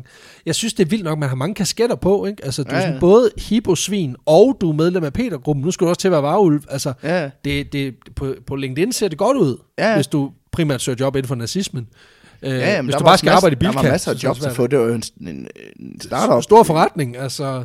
Og det igen, jeg tror også, de er gode til at rekruttere internt. Øhm, Det virker sådan. det, er jamen, det, lige præcis. Og øh, han deltager som Det er, sagt... det er jo ikke sådan, der kommer en ind udefra. Nej. Hvor det er sådan noget, nå, men så fik de ny flykommandant øh, i Luftwaffe. Ja, ham er de lige hen, han kommer over fra Polen. Ikke? Ham hente de på en fri transfer fra, fra Ungarn. Ja, det er ikke sket. Nej, Det det, du arbejder der op af i nazistpartiet. Sådan det gør man. altid. Ja, præcis. Det, det, er ikke blevet, det er ikke sådan noget new public management-agtigt noget, hvor du ved, du skal skifte organisation hver syvende år, hvilket ellers ville give en spændende dynamik i en krig, der varede længere tid. Ja. Altså forestil dig, hvis uh, Palæstina-konflikten, hvis de lige skulle skifte, skid, sk- skifte, skid, skifte side hver syvende år, sådan lige, hov, nu skal du lige prøve at være, at gå i mine sko. Ja. Jeg tror ikke, der er Og nogen, det er også nederen. Ja, ja, præcis. Bortset fra, at du har meget bedre grej og atomvåben og sådan nogle ting. Så Øh, bliver det, det bliver syv fede år. Jamen, det er syv fede, syv mager. Altså, det er direkte fra Bibelen og fra finanskrisen. Jeg tror heller ikke, at nazistpartiet var sådan, øh, ligesom mange andre virk... Altså, hvis man nu skal lave den der virksomhedsanalogi. Jeg tror ikke, de, hiver- de, der var ikke mange eksterne konsulenter. Det tror jeg heller ikke. Altså, der er simpelthen, det, det, det er de Det er simpelthen ikke sådan noget, penge øh, på. vi har hed, vi har hed Herst Wolfel ind. Han er øh, konsulent i, øh, i udryddelser. øh, har tidligere været med øh, øh, det, til, til at udslætte an, mange andre. Han kommer direkte, han, kom, han har haft, uh, tidligere haft masser af arbejde i Spanien for Franco, så Ja. han har faktisk det, der skal mm. til. Han er manden, er jeg ret sikker på. Det er mand, som vi kalder ham her i, Ja, uh, her i han, han skal hjælpe os med at løse, løse det øh, problem, vi har her i organisationen, som vi kalder for the, the Juden. Øh, Lige præcis. Og det, uh, han hopper direkte på. Han skal lige have 14 dages intro, hvor han lige møder alle sammen. Han tager lige personligt møde, og så uh, vi, går skal han lige, og vi skal lige lave en mindmap sammen. så, øh, Han har også fået sådan et organiseringsværktøj. Han bruger Trello, det er helt sikkert. øhm, og man ved bare, at de har haft nogle Excel-ark eller et eller andet. Altså, ja. Det er så sygt. Øh, han deltager selv i arbejdet med at, at, at, at hjælpe de her grupper i gang. Altså, han løber selv med, sådan en startup-type, mm. ikke? Og det gør han helt hen til forsommeren øh, 1945, altså hvor befrielsen kommer. Og hvad der så videre sker med ham, det kommer vi til. Øh, og man kan sige, det er jo et ret fint sted at starte med at være sine medlemmer, altså i Schalburg Korps mm. Og i Petergruppen. Fordi for det første så er, altså Petergruppen er i forvejen en hemmelig gruppe, så de er ikke eksponeret på den måde. Altså er, der er ikke nogen, der ved, hvem de er. Så det er jo et godt sted at starte, fordi de går stadig under radaren, hvis fjenden kommer. Øh, antager jeg, at det, er det, der har Ja. været, det må være det, der har været logikken, ikke? Og de er dedikerede. Præcis, ja, præcis. De har jo en masse ekspertise i brutal vold, og så har de også, altså, jamen, altså, de har også typisk enten tjent i SS eller i et andet elitekorps et eller andet sted, og så er de bare hammerende glade for nazismen, ikke? Det er nogle brutale svin, han får hakket ind i den her øh, forretning. Øhm, og de er jo perfekt til det her bagholdsangreb. Og det er svært at vide, hvor mange der bliver været til den her bevægelse. Især mm. fordi, at det overlevende kildemateriale om varulvebevægelsens eksistens er meget begrænset. Øhm, og det, der findes, bliver meget ofte kritiseret for at være altså meget overdrevet. Okay. Men jeg har læst mange steder, der er en konsensus om, at, at, at altså der, der, er- der er ligesom en konsensus om, at deres propagandamæssige værdi var på mange måder større end deres reelle resultater i marken mm. efter krigens afslutning. Men der er ingen tvivl om, at projektet har eksisteret. Der er ikke nogen tvivl om, at der er sat et system op, der både supporterer uddannelse af de her mennesker, både i Danmark og i Tyskland, og at der blev udført terror, øh, og det er, dem, vi skal ind i. det er det, vi skal ind på. Okay. Fordi med en mand som Horst, med, som Horst Sissel øh, ved roret, som har det her tyske øh, top øh, hemmelige organisations øh, udryddelsesgen i sig, øh, så er man klar til at have sådan en toptrimmet byråkratisk prof-bevægelse. Og Horst Issel, han beskriver selv efter krigen, at de var delt op efter geografi, så det var sådan, at der var grupper på Sjælland, i København, på Lolland, på Falster, på Fyn, Sønderjylland, Midtjylland, i Aarhus og i Aalborg. Okay. Og gruppernes størrelse varierer, men ifølge Horst Isel, der var de mellem 6 og 10 mand i gruppen, og det er også nogle tal, der er blevet bekræftet mm. af andre medlemmer af grupperne. Okay. Øh, Udover det var der nogle lokale ledere, som havde folk under sig. De havde blandt andet en propagandaansvarlig, som kunne dele flyers ud, og sådan nogle ting. Ikke, jeg, tror, jeg tror ikke, det er nede på gaden, du ved. Det er ikke sådan en facer-type. Det er sådan mere sådan en kaster flyveblad, ikke? Undskyld, må jeg forstyrre dig et øjeblik? Ja, jeg tænkte, Åh, må jeg lige stille dig et hurtigt spørgsmål? Hvad er det nu? Jøder? er de lige nederne, eller? Do we hate them or what? Øh, Nej. Kender du Adolf Hitler? det er ham her. Han, lige hallo, han er fed. Præcis. Og sådan en se- rigtig sælgertype, det kunne være fedt. Øhm, nej, men udover at have sådan... Med så, en lille donation på kun 50 kroner om måneden, så kan du sikre, at føreren han kommer til tops, du. endnu mere til så. Endnu mere til tops. Præcis. Og at alle dem, som vi ikke kan lide, alle Not so dem, der much. gør livet nederen for dig, de, øh, de bliver trampet under den tyske krigsmaskine. De Bliver... Lyder det ikke noget? Så kom lige her. Så Prøv lige komme her, prøv lige at komme herover. Prøv lige, prøv lige, her, er- her er en glok. Tag det. Prøv at gå ud og skyde, prøv at skyde ham derovre. Men han er ikke jøde, det er ligeglad med. Prøv, prøv lige, du skal bevise din loyalitet. Du er gerne med i hulmulle. Så skal du sk- skyde, så skal du skyde en tysk sindet, eller en ikke tysk sindet. Ikke, du skal ikke skyde, hold op med at skyde det tysk sindet. For helvede. Mulle. Sådan en lille voicebox. Står, står og spiller, står og looper nogle fede beats på Ulf. Nej, men øhm, udover at have sådan en, en øh, propagandaansvarlig, så havde man en telegrafansvarlig, en der havde, og så nogle sprængningseksperter, altså nogen, der simpelthen var gode til terror og sabotage. Og de her folk kom jo typisk fra modtagergrupperne, og de fik fandme også brugt deres evner for sprængning. I en af de kilder, jeg har læst, der var der øh, beskrevet, hvad der under en uge blev lavet af modtager i sådan fire, mm. tre-fire forskellige byer. Og der blev simpelthen øh, lavet materielle skader for over en million Hold da kæft. i 1940. Det er meget. Det kræftede med mange penge dengang. Og det var, sådan, det var jo typisk, så var det sådan nogle små regionale øh, journalistiske altså aviser. Mm. De blev bare smadret, og så var det et tog, der blev smadret, og så var det, altså alle mulige ting. Ja, ja. Og også mennesker, altså, de var jo skidelig glade, ikke? De var også organiseret omkring 100 mand her. Øh, i hvert fald det tal. Det, tallet varierer mellem 100 og 300.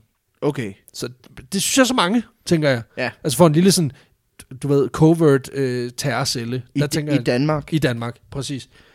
Men så tænker jeg også, lad os skyde efter det lave tal. Ja, så vi siger 100 mand, ikke? Og udover det her manpower, så havde de her varulve også en masse grej. ja selvfølgelig. Fordi øh, de rådede over blandt andet over to fiskekutter, som var blevet indkøbt. Jamen, det lyder åndssvagt. Men den ene, den var blevet rækket til med en radiosender, sådan at de kunne øh, kommunikere på tværs. Det var, dengang var der ikke nogen storbæltsbro. Øhm, så man kunne, det var så for eksempel, man Ja. kunne kommunikere øh, i øh, landet rundt, men også for at kunne kommunikere til hovedkvarteret, øh, som lå uden for Berlin. Øhm, derudover så havde alle afdelinger, de havde en telegrafist øh, tilknyttet. Jeg ved ikke, om han var løst tilknyttet, eller om han var fastansat. Det var på freelance basis, det ved jeg ikke. Øh, de havde radioudstyr, og så var der blevet indkøbt en villa i Aalborg, som var sådan en form for hovedkvarter på den jyske side, eller i hvert fald Mm. øh, den øh, nordjyske del. Og så var der købt, købt et sommerhus nede omkring Horsens, som også øh, kunne bruges, hvis øh, huset i Aalborg blev kompromitteret. Okay. Der var så installeret fast radioudstyr i de to huse, som gjorde, at man også kunne kommunikere med, med tyskerne. Øhm, og den tredje, den var så installeret den her kutter, hvis alt andet failede. Ikke? Derudover var der indkøbt en... Øh, Så sejl væk. ja, præcis, så var man bare... ja, det, og det er dumt at lægge sin, sit dyre radioudstyr i noget, man ikke kan sejle væk. Ja. Altså, Fuck, det er vi sejlet til Læsø. Ja, præcis. Så, see ya bitches. Um, Udover det, så var der, havde grupperne angiveligt indkøbt nogle, nogle biler. Og så det var den store spenderbukser med Horst Diesel, han havde på. Ikke? Han har i alt brugt over 200.000 danske kroner på de her indkøb. Og de kommer altså fra den centrale administration i Tyskland, som han refererer til på det her tidspunkt. Derudover så får han arrangeret, at der bliver indsat 50.000 danske kroner i diverse banker og sparekasser rundt omkring i landet. Altså Mhm. sådan spredt helt tyndt. Ikke?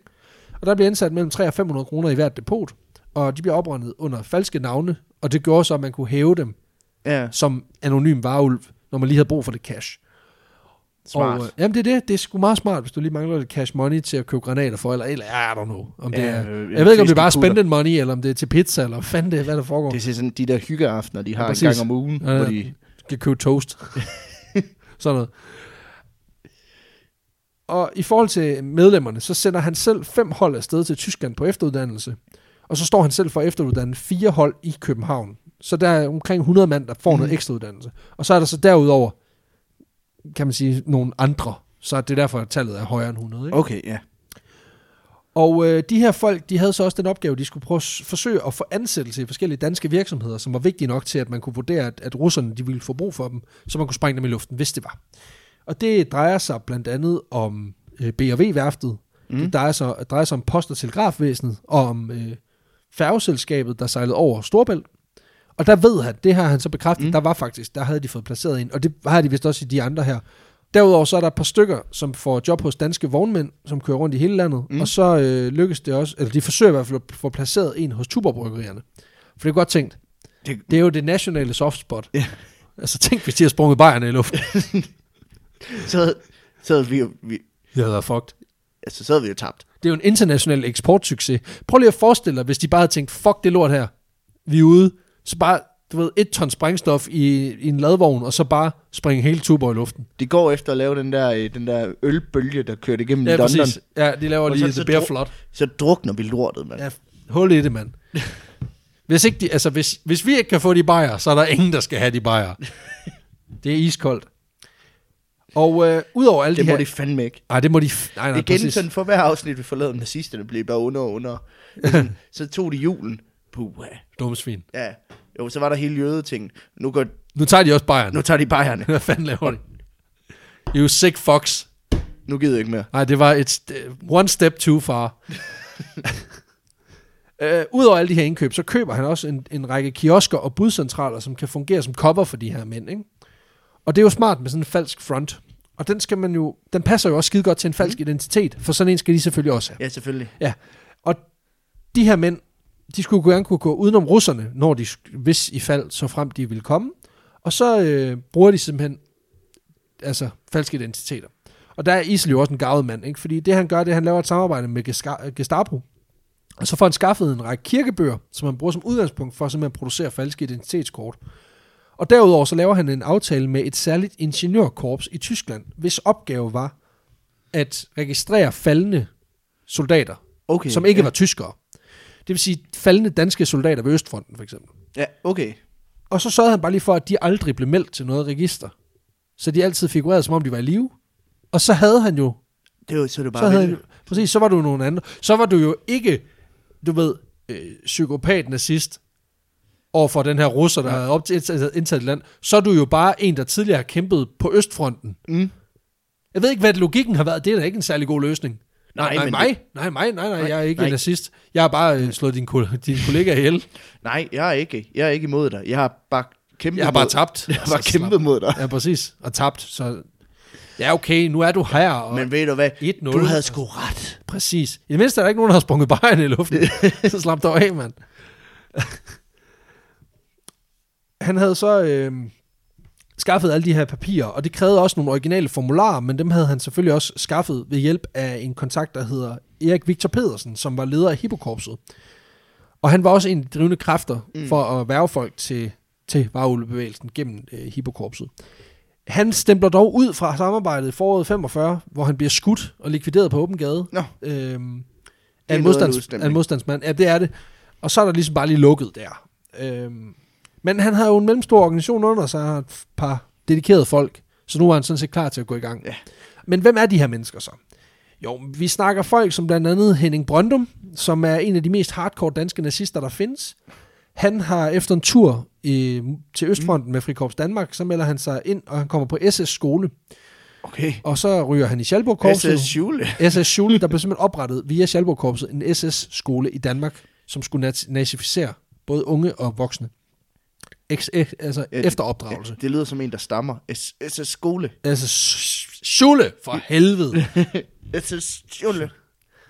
Han ender i Petergruppen, og der står han blandt andet for at springe Odinstårnet i, i Odense i luften, Mm. øh, som er sådan et 200 meter højt tårn, som de vist nok er i gang med at få genopbygget. Han springer også Jyllandsekspressen i luften i Hobro i 1944, og det koster så lige 10 mennesker livet. Okay. Så this guy means business. Han deltager i varulvenes forberedende arbejde i Jylland, men han bliver selv fanget på selve befrielsesdagen, og ender med at blive dømt til døden i øh, retsopgøret efterfølgende han bliver dømt for 38 drab, tre drabsforsøg og har 59 sabotagehandlinger, så nogle togattentat og, to, og otte røverier. Det er også Okay, noget, ja. altså, det er også noget, altså igen, det er ligesom, du ved, ligesom når du handler i IKEA, hvor den der, den der, den der øh, bong bare bliver længere og længere. det er det samme her. Altså det der, altså det der anklageskrift har bare været psykopat langt. To, øh, 22 Hvad står der? opvaskebørster. Færre stole, der hedder Jørgen. Og så 35 likvideringer. Hold da kæft. Har du stjålet så mange stole, din psykopat? Ja, men det, det er så sådan, ligesom, han er sådan en af de der sådan ledertyper i, øh, i en af de jyske grupper. Så er der det, og så er der så det andet medlem, der hedder Kai Henning Botilsen. Han kommer ligesom samme vej ind som Henning Brøndum, men han kan ikke komme i SS, fordi han har dårlig ryg. Men det skal fandme ikke forhindre ham i at, at, at slagte nogle modstandsfolk. Så han hopper ind i Peter-gruppen, og der vælger han så ligesom at kompensere for, at han ikke har den her fine militæruddannelse, ved simpelthen bare at gå græsat. Så øh, han er også med til at grave øh, 15 depoter ned i Midtjylland, øh, mellem Kolding og Aarhus, altså af våben. Og han bliver også anholdt lige efter befrielsen. Øhm, ja, det, ja, jamen, depoter kommer vi til lige om lidt nemlig. Han bliver dømt til døden for 57 drab. Og øh, ja, 9 drabsforsøg, 116 sabotagehandlinger, 5 togattentater og 3 røverier. Jeg ved ikke igen, om de har holdt, altså om de har haft sådan en form for en, en tavle af en art. Jeg tænker også bare røverier. Altså, det er jo bare... Ja, det er jo, det er jo ingenting. Altså, det er jo, det er jo virkelig småt. Men, men hvorfor har man haft behov for at røve nogen? Jo, men det kommer vi faktisk. Det er faktisk fordi, at, de, at, at i forbindelse med det her forberedende arbejde, der gør de det, at de, de skal nemlig, en ting er, at de skal gemme en masse våben. De skal også gemme en masse mad og noget benzin. Mm. Så de begår faktisk nogle røverier mod altså benzintanke Nå, og sådan nogle ting. Nå, jeg troede, det var mere sådan, at de han bare stoppede nogen på gaden. Så Nej, nej. Giv, giv mig din punkt. Nej, jeg tror ikke, han er sådan en, en mugger. Det tror jeg ikke. Jeg tror bare, for han bare skudt dem. Altså, det- han er iskold ham her. Uh, han bliver jo anholdt og bliver også dømt til døden øh, for de her 57 drab, og så alt det andet. og der var, det løse. Ja, plus det løs. Uh, der var flere og meget brutale mænd, men det, jeg har lige valgt at lige nævne de her to, fordi det er så specifikt, og det siger bare ret meget om, hvad det er for nogle mænd, der ryger ind Ja, i det her. Og der er nogen, der er lige så vilde. Det er nogle hårde typer. det er nogle fucking hårde typer, ikke? Ja, det, er jo, Øhm, det er jo et tæskehold. Det ja, er jo, præcis. Det, altså, det er jo rockerbande. Det er det jo. Og, og det vilde er så også, at de bliver begge to afhørt efter krigen sammen med alle de andre. Mm. Og de indvilder simpelthen i at fortælle om, om den her hvad man siger, øh, bevægelsesaktiviteter, men uden at nævne, hvem der ellers er med. Okay. Botilsen, han bliver faktisk selv taget med ud og finder de her våbendepoter, som de har gravet ned. Fordi han har koordinaterne på mm. dem. Øhm, og det er jo klart, han havde koordinaterne for, at så kunne de jo finde dem, Ja, ja. Når, når det var bagefter. Ja, ja, selvfølgelig. Ja. Og øh, der blev jo så gravet depoter ned i hele landet, og det var virkelig små ting, de gravede ned. Fordi i en afhøring, der fortæller ham her, Kai Henning Botilsen, at Horst Isler har fået fremstillet 300 kasser, som er halvanden gange 75 gange en halv meter. Så det er sådan lidt en, Mm. altså, det er jo større end øh, Henry Brooks Browns øh, kasse. altså, det, det, vi snakker, vi snakker der, der, kan være en, der kan være en del i. Og øh, det, er sådan, det, er, det er en halv kubikmeter i størrelse. Okay, ja. Ja. Og øh, det tal er dog blevet revideret efter krigen, men, men ifølge hvad jeg kan finde ud af, så, er der, så mener man, at der er mellem 100 og 200 depoter, der er blevet gravet ned. Og det er depoter med mellem 40 og 50 kilo krigsmateriel. Hold da kæft. Ja, så det er alligevel, altså, det er alligevel et par tons krigsvåben og sprængstof og så videre. De her kasser, de var foret, og det var for at sikre, at der ikke kom noget ind udefra. Og så bliver de fyldt til randen med våben og sprængstoffer. Ifølge Botilsen, så skulle de have gravet en stor del ned i hovedstadsområdet. Der blev gravet 20 kasser ned omkring Haderslev, 40 omkring mm. øh, Odense og Fyn. 40 bliver sendt til Aarhus, hvoraf de 20 af dem de så ryger lidt længere sydpå, hvor de så bliver gravet ned øh, i Kolding, som åbenbart er en form for hovedsæde i Jylland. Okay. Det er fordi Koldinghus ligger der, som er Gestapos hovedkvarter i Jylland, tror jeg det er. Øhm, og der er flere af de tidligere medlemmer mm. Mm. fra Petergruppen er også engageret lige der. Og for lige at komme ind på, hvad der er i de her kasser, så øh, vil jeg bare lige snakke om, hvad man finder øh, ud fra de her lister, hvad man graver op efter krigen i Aarhus by. Okay. Fordi i Aarhus, der finder man fire depoter. Der er et ved atl- øh, atletikstadion bag en statue, altså som i øh, det stadion, der ligger halvanden kilometer fra, hvor vi sidder lige nu, Ja. lige præcis. Der er to i Mindeparken, som er der, hvor vi gik sammen med, i vores mm. Afsnit om Bernard Sindberg. Der er et ved indgangen, og så er der et ved en bygning inde på området, som er gravet ned. Og så er der så et, som er blevet gravet ned i et skur lige ved siden af vandtårnet op på Randersvej. Okay, ja.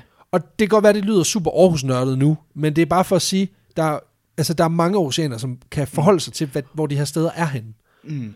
Og, og altså for eksempel det sidste sted, jeg nævner, som er Vandtårnet ved Randersvej, der ligger et HF-uddannelse i dag, ikke? Altså det der med, mm. det er skørt at tænke på, at der er en nazistisk terrorcelle, der har gravet 50 kilo våben ned, Lige der, der. hvor du sidder og, læser, og, og er til, skal til old-eksamen her øh, om, om et par måneder. Jeg tror ikke, man har old på HF. Nå, ja, så er et eller andet, Men du ja. kan bruge til noget. altså, da, dansk eksamen, matematik, you fucking get it, ikke? Altså, Ja. ja. Og øh, for ligesom at komme med en skala på det, så bliver der fundet 20 depoter i Aalborg-området, og de indeholder 2 tons sprængstof. Hold da kæft. Så det, det er seriøst fire, firepower, når man tænker på, at, at den gruppe, der var deroppe, var måske var 10 mand.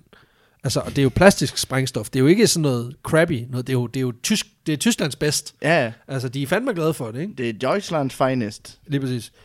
I det depot, man finder op ved atletikstadion, cirka 1,5 km herfra os, der finder man en meget, meget stor mængde håndgranater, øh, en større mængde plastisk sprængstof, omkring, jeg tror det er 40 kilo, Mm. og så en masse tændanordninger til at, at gøre det her klar til sprængning. Og så finder man også nogle, nogle pistoler og nogle våben. Ja, okay. Øh, ikke, ikke pistoler, maskingevær og sådan noget. Og en masse patroner. Og de er jo gravet ned alle mulige steder. Og de her folk, der graver dem ned, de får eksperthjælp fra Tyskland og fra SS til at gemme de her kasser strategisk godt. Og så også, at de graver dem ned uden at vække opsigt. Der bliver simpelthen lavet sådan en Mm. hel mission, når de graver dem ned. Så det, de gør, det er, at de foregiver, at de er landmålere. Altså de her Ja. tekniske typer, der går ud og, og skal lave, hvad kan man sige, enten topografisk arbejde, eller skal gå ud og måle. Ja. Der skal måle, hvor langt er, er der egentlig hen til den statue fra stadion. Ja, lige præcis, Ja. ja. for eksempel. Og de skaffer sig simpelthen noget udstyr, og så graver de jo simpelthen et hul og sætter et telt op. Og så graver de jo sådan set bare hullet og putter kassen ned i den, så de, så det går ubemærket hen. Blandt andet graver de et par stykker ned på nogle kirkegårde rundt omkring. Og øh, det finder man ud af i, i Vordingborg, hvor man i, i øh, starten af nullerne finder en kasse. Fordi Nå. der er en graver, der lige kommer til at hakke sin spade ned i en gammel rusten metalkasse, han finder øh, op, ved, op ved lokummet, ikke? Og det viser sig så, at der, der lå 50 kilo plastisk sprængstof i den. Og han havde tidligere på dagen arbejdet i samme område med en, øh, sådan en, en, Mm. en eller anden form for med, altså, øh, en boremaskine, en elhammer mm. Eller sådan et eller andet. Og, og øh, altså man har simpelthen sagt, hvis, hvis du havde ramt den med den der, så havde du så havde det antændt. Og så havde du simpelthen sprunget dig selv i luften. så det ligger stadigvæk derude. Der var nogle stykker, man lige har misset der i, øh, i Er, der, er der nogen tilbage i Aarhus? Nej, fordi det, eller, Nå. det er jo så det, man kan sige, det er, at man har fundet deres, hvad mm. kan Mm. man sige, kort. Men har de haft interesse i at fortælle os, hvor de alle sammen lå? Det ved vi Det var ikke. det. Øhm, og man kan sige, de, de her to mænd, øh, Henning Brøndum og Kai Henning Botilsen, de blev begge to anholdt efter krigen. De fortæller jo gladeligt, hvor de har gjort. Øhm, der er nogle andre centrale personer, som bliver anholdt i dagene, altså i nogle uger efter. Der er også nogle Mm. få, der begår selvmord. Og så er der nogen, der forsvinder, blandt andet i en fiskekutter. Oh. Ja, så den, den er jo formodentlig også blevet brugt til at fragte nogle, øh, nogle tyske topnazister fra Danmark til, til udlandet, ikke? Og det er en eller anden grund, så de her mennesker, de er meget villige til at fortælle, hvor mange af de her våbendepoter, de ligger. Øh, ham her Putin fortæller om alle dem, har gravet ned i Koldingområdet, og de finder alle undtagen et. Okay. Og da de kommer hen til det site, der kan de se, at det er blevet gravet op. Uh. Så der er nogen, der har hentet det. Og der er nogen, der vidste, hvor det var, Mm. og har hentet det. Og det er også sådan lidt creepy på en eller anden måde, ikke? Altså, og det er så fordi, at man ved, at det fortalte han jo så også, at der var nogen af, fra hans gruppe, der stadig var på fri fod, som politiet ikke havde fået fanget. Ja. Så de har formodentlig været ude og hente det, ikke? Øhm, der er en anden tysk sympatisør, der bliver anholdt, og han kan identificere 85 depoter i hele landet. Øhm, tidligere tysker, eller han er, en, øh, har boet i grænselandet mellem Danmark og Mm. Tyskland, og så er blevet været til den her kampagne. Og han hopper sgu på, og han hjælper med at grave dem op. Men det er bare for at sige, det er virkelig mange depoter.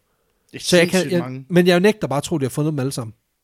Altså fordi, Det tror jeg, bare på rene skær mængder, det, Er det, bare det, er fandme, det er fandme mange. Øh, altså mellem 100 og 200 depoter. Og det her, det er så, det er så cirka 100, ikke? Man har identificeret. Altså 15 som ham Mm. mm. Uh, Psycho Peter-gruppen typen, og så 85 som ham tyskeren der. Og det kan også være, at der er nogen af dem, der overlapper. Og man kan sige, selvom de arresterer rigtig, rigtig mange øh, af de her nazister efter krigen, så er der også et, altså nogen, der går under radaren. Mm. Øh, blandt andet finder man også ud af i efterkrigsårene, at der har været et helt netværk af øh, jyske landmænd, som har været nazisympatisører, som har huset de her folk. Og det finder man sådan ud af altså, i, i, altså i nogle år efter. Nå, Så, så der er jo nogen, der har gået under radaren. Og det giver også mening, fordi der kommer også... de har kørt de der våben bag på deres traktor. Ja, lige præcis. Det har gået langsomt. Slow and steady wins the race, ikke? Og selvom det lykkes at arrestere, så er der nogen, der går fri. Og der kommer også nogle attentater i årene efter krigen, mm. som i hvert fald er blevet forbundet til vareulvene. Og der er faktisk, altså der er en, øh, en dansk journalist, som har øh, samlet på rigtig meget af det materiale, mm. der er blevet udgivet, altså artikler, der er udgivet omkring det her. Blandt andet så bliver øh, Oberst Paul Ries Lassen, han bliver skudt uden for Hotel Ritz i Aarhus okay. i, øh, ja. i oktober 1946. Og, øh, nej, i oktober 45, undskyld. Og i december, der bliver den, det mor bliver kædet sammen med vareulven i Aarhus Stifttidene. Øh, mordet er i stedet den dag i dag officielt uopklaret. Øh, men dengang var der en udbredt sådan mm. sandhed, tanke, at det var nazisympatisører, der havde skudt ham. Angiveligt noget med, at han var... Han var oberst i den danske her. Ja, det okay. var han. Men det var noget med, at de måske havde misforstået, hvem han var, fordi der var en anden, mere højtstående general, som også op befandt sig på Hotel Ritz. Oh. Så det var måske ham, de havde forsøgt at skyde, og så er de bare, du ved, fået koldført skudt ham her, fordi han kom ud, ikke? Men det er jo bare, det er jo bare gætværk. Øhm, I 1946, der bliver øh, varulvene sat i forbindelse med en sag i Sønderjylland, hvor der er en håndgranat, der bliver kastet ind på en politistation. Og øh, den bliver bundet op på en hemmelig gruppe, fordi ham manden, man mm. anholder i forbindelse med det her attentat, han var nazist. Og han var i besiddelse af en radiosender, som man øh, var overbevist om, han havde brugt til at kommunikere med andre ligesindede. Og han får 12 år for at have begået det her okay. attentat. No. Øh, og i 46, der anholder politiet også en lang række mennesker i Sønderborg og Haderslev området, fordi at man har fundet ud af, at der simpelthen bliver afholdt skydeøvelser om natten øh, de her, og de er, de er nazister. Altså, de, den anholder blandt andet en postelev i Sønderborg. De er full-on nazister. De er fuldblående nazister, skjulte nazister. Og i forbindelse med afhøringerne, der kommer det frem, at de har haft korrespondence med en søsterorganisation i Københavnsområdet. Så der er ligesom, hvad kan man sige... Det er der stadigvæk. De er der stadigvæk, i en eller anden grad. Og, og det er jo måske også, kan man sige, en del af pakken, at de jo gerne vil fortælle, at når de bliver mm. fanget, at de er stadig derude, men uden at sige, hvem, hvem de Men er, det er jo også det, der var formålet med dem, kan man sige, at de skulle... Lige præcis, og det var også det, jeg sad, da jeg sad og læste på det her, der sad jeg også med sådan lidt, det fik jo ærligt talt sådan lidt kuldegysninger og hår rejser sig i nakken, og man tænker på, at der sidder en flok hardcore nazisympatisører, som i krigens sidste år er blevet sendt til Tyskland, for at specialisere mm. sig i og skjule sig og gå i et med mængden, og, og, og, og formå at skabe en falsk identitet i forbindelse med, at der er kaos lige efter krigen, for så at grave en masse våben ned og finde dem og begå en masse terror, ikke? Altså, der må jo være nogen derude, også den dag i dag, det kan godt være, de er oppe i 90'erne, men mm. altså, det, jeg kan ikke forestille mig, at, at altså det, det, er, det er nemt at forestille sig, at det i hvert fald stadig findes. En af de ting, der gør, at man mener, at det her det er blevet optravlet ret hurtigt, det er, at øh, den danske, hvad kan man sige, det danske frihedsråd og alle dem, mm. altså modstandsbevægelsen, var ret hurtige til at agere, fordi at man godt vidste, at det her det var under opsejling. Så man var ret hurtig til at få fængslet de her centrale ja, ja. figurer. Øh, også fordi, at mange af de her modstandsfolk, som jo så lige pludselig skulle agere politi, de, øh, altså de, de vidste jo godt, hvem der var hvem. Ja. De var bare svære at få, at få fat i, jo, kan man sige. Altså, de vidste jo godt, hvem, øh, altså nogle af de her, altså sådan en som Ip, Ip, Ip Birkedal Hansen, som var en af de andre hardcore nazister, dem vidste man godt, hvem var. Ja. Fordi de var blevet, nogle af dem var blevet tortureret af ham og sådan nogle ting. De har bare ikke kunne få fat i ham. De ville jo gerne, men de kunne jo nok bare ikke. Altså, han var jo nok godt beskyttet, ikke? Så, så det her med, at de var ret gode til at få optravlet sporene af dem i efterkrigsårene. Og man kan sige, det er jo sådan set historien om vareulvene. Mm. Men der er en lille krølberne historie, fordi okay. lederen, Horst Issel, han formåede jo at stikke af ja. i 45. På kutteren? På, ja, formentlig, formentlig på kutteren. Og, øh, på kutteren. Gutterne på kutterne. Og hvad fanden blev der af ham? Jo, men han flygter til, til Tyskland, forklædt som soldat. Mm. Nej, så er det jo faktisk ikke på kutteren. Han flygter som, han er faktisk klædt ud som soldat og går okay. hjem. Nå. Så det var bare lige mig, der lige var lidt ahead. Øhm, men han, han øh, går simpelthen over grænsen, og de er faktisk i tvivl om, om de skal lukke ham ind i Tyskland, fordi han ikke har nogen soldaterbog. Men de kunne ikke bevise, at der var noget galt, så de endte med at sende ham igennem grænsen. Okay. Så han kom faktisk, han snød sig simpelthen øh, til, hjem til Tyskland. Og han vidste jo godt, at det var, det var fucked. Øh, mm. Blandt andet finder han ud af, øh, på vej ned igennem Tyskland, at hans øh, kone og børn er blevet skudt af amerikanerne, fordi at de var nazister. Så okay. han havde ligesom ikke noget at vende tilbage til, kan man sige. Så han går under jorden og prøver faktisk at komme ind i nogle forskellige korps rundt omkring, for at komme væk fra Tyskland igen. Mm. Det lykkes så ikke, så han ender med at arbejde under skjult navn indtil efteråret 1948, okay. hvor det danske politi kommer på sporet af ham. Og her lykkes det ham faktisk at få ham fanget og få ham fængslet, og så begynder man at arbejde på en udlevering. Og det er så her, man finder ud af, at han i efterkrigsårene, da han lige blevet værvet og har arbejdet for CIA, Nå for fanden. Øhm, Som de jo gjorde med mange af de der det gjorde de nemlig. nazister. Det gjorde de, og han, øh, han havde, øh, hvad hedder det, han havde øh, slået sig ned i den tidligere øst, altså i den østlige del, altså den russisk kontrollerede del af Mm. det nu opsplittede Tyskland, fordi at han vidste, at der var der færre, der ville lede efter ham. Og der havde han så fået job i et eller andet, jeg tror det var sådan en petroleumsvirksomhed eller et eller andet. Øh, og der sad han så bare og samlede information om russerne, som han videregav til amerikanerne. Ikke? Han ender dog med at blive udleveret til danskerne. Og øh, Han, han, var sam- simpelthen spion. han var spion for CIA efter krigen, efter han havde været spion for tyskerne i Jugoslavien og Spanien, og har været med til at oprette en terrorcelle i Danmark. Så arbejder han det lige er for noget af. CV, han har kørende Jamen, han, han ruller altså tungt. Øhm, men han bliver udleveret, og da han kommer til Danmark, der vælger han at samarbejde fuldstændig, og afgive simpelthen altså, alt, hvad han kan give i forklaring. Han fortæller alt om sit arbejde mm. med Peter-gruppen, og medvirken til de 75 drab, som han ender med at blive dømt for at have begået. 75. ja, tak. Øhm, Vi også ved, altså bare de tre, de, de, de står De bag ko- 150 drab. og Ja, lige præcis. De ruller tungt, de her gutter, ikke? Han fortæller også, at han jo bare parerede ordre.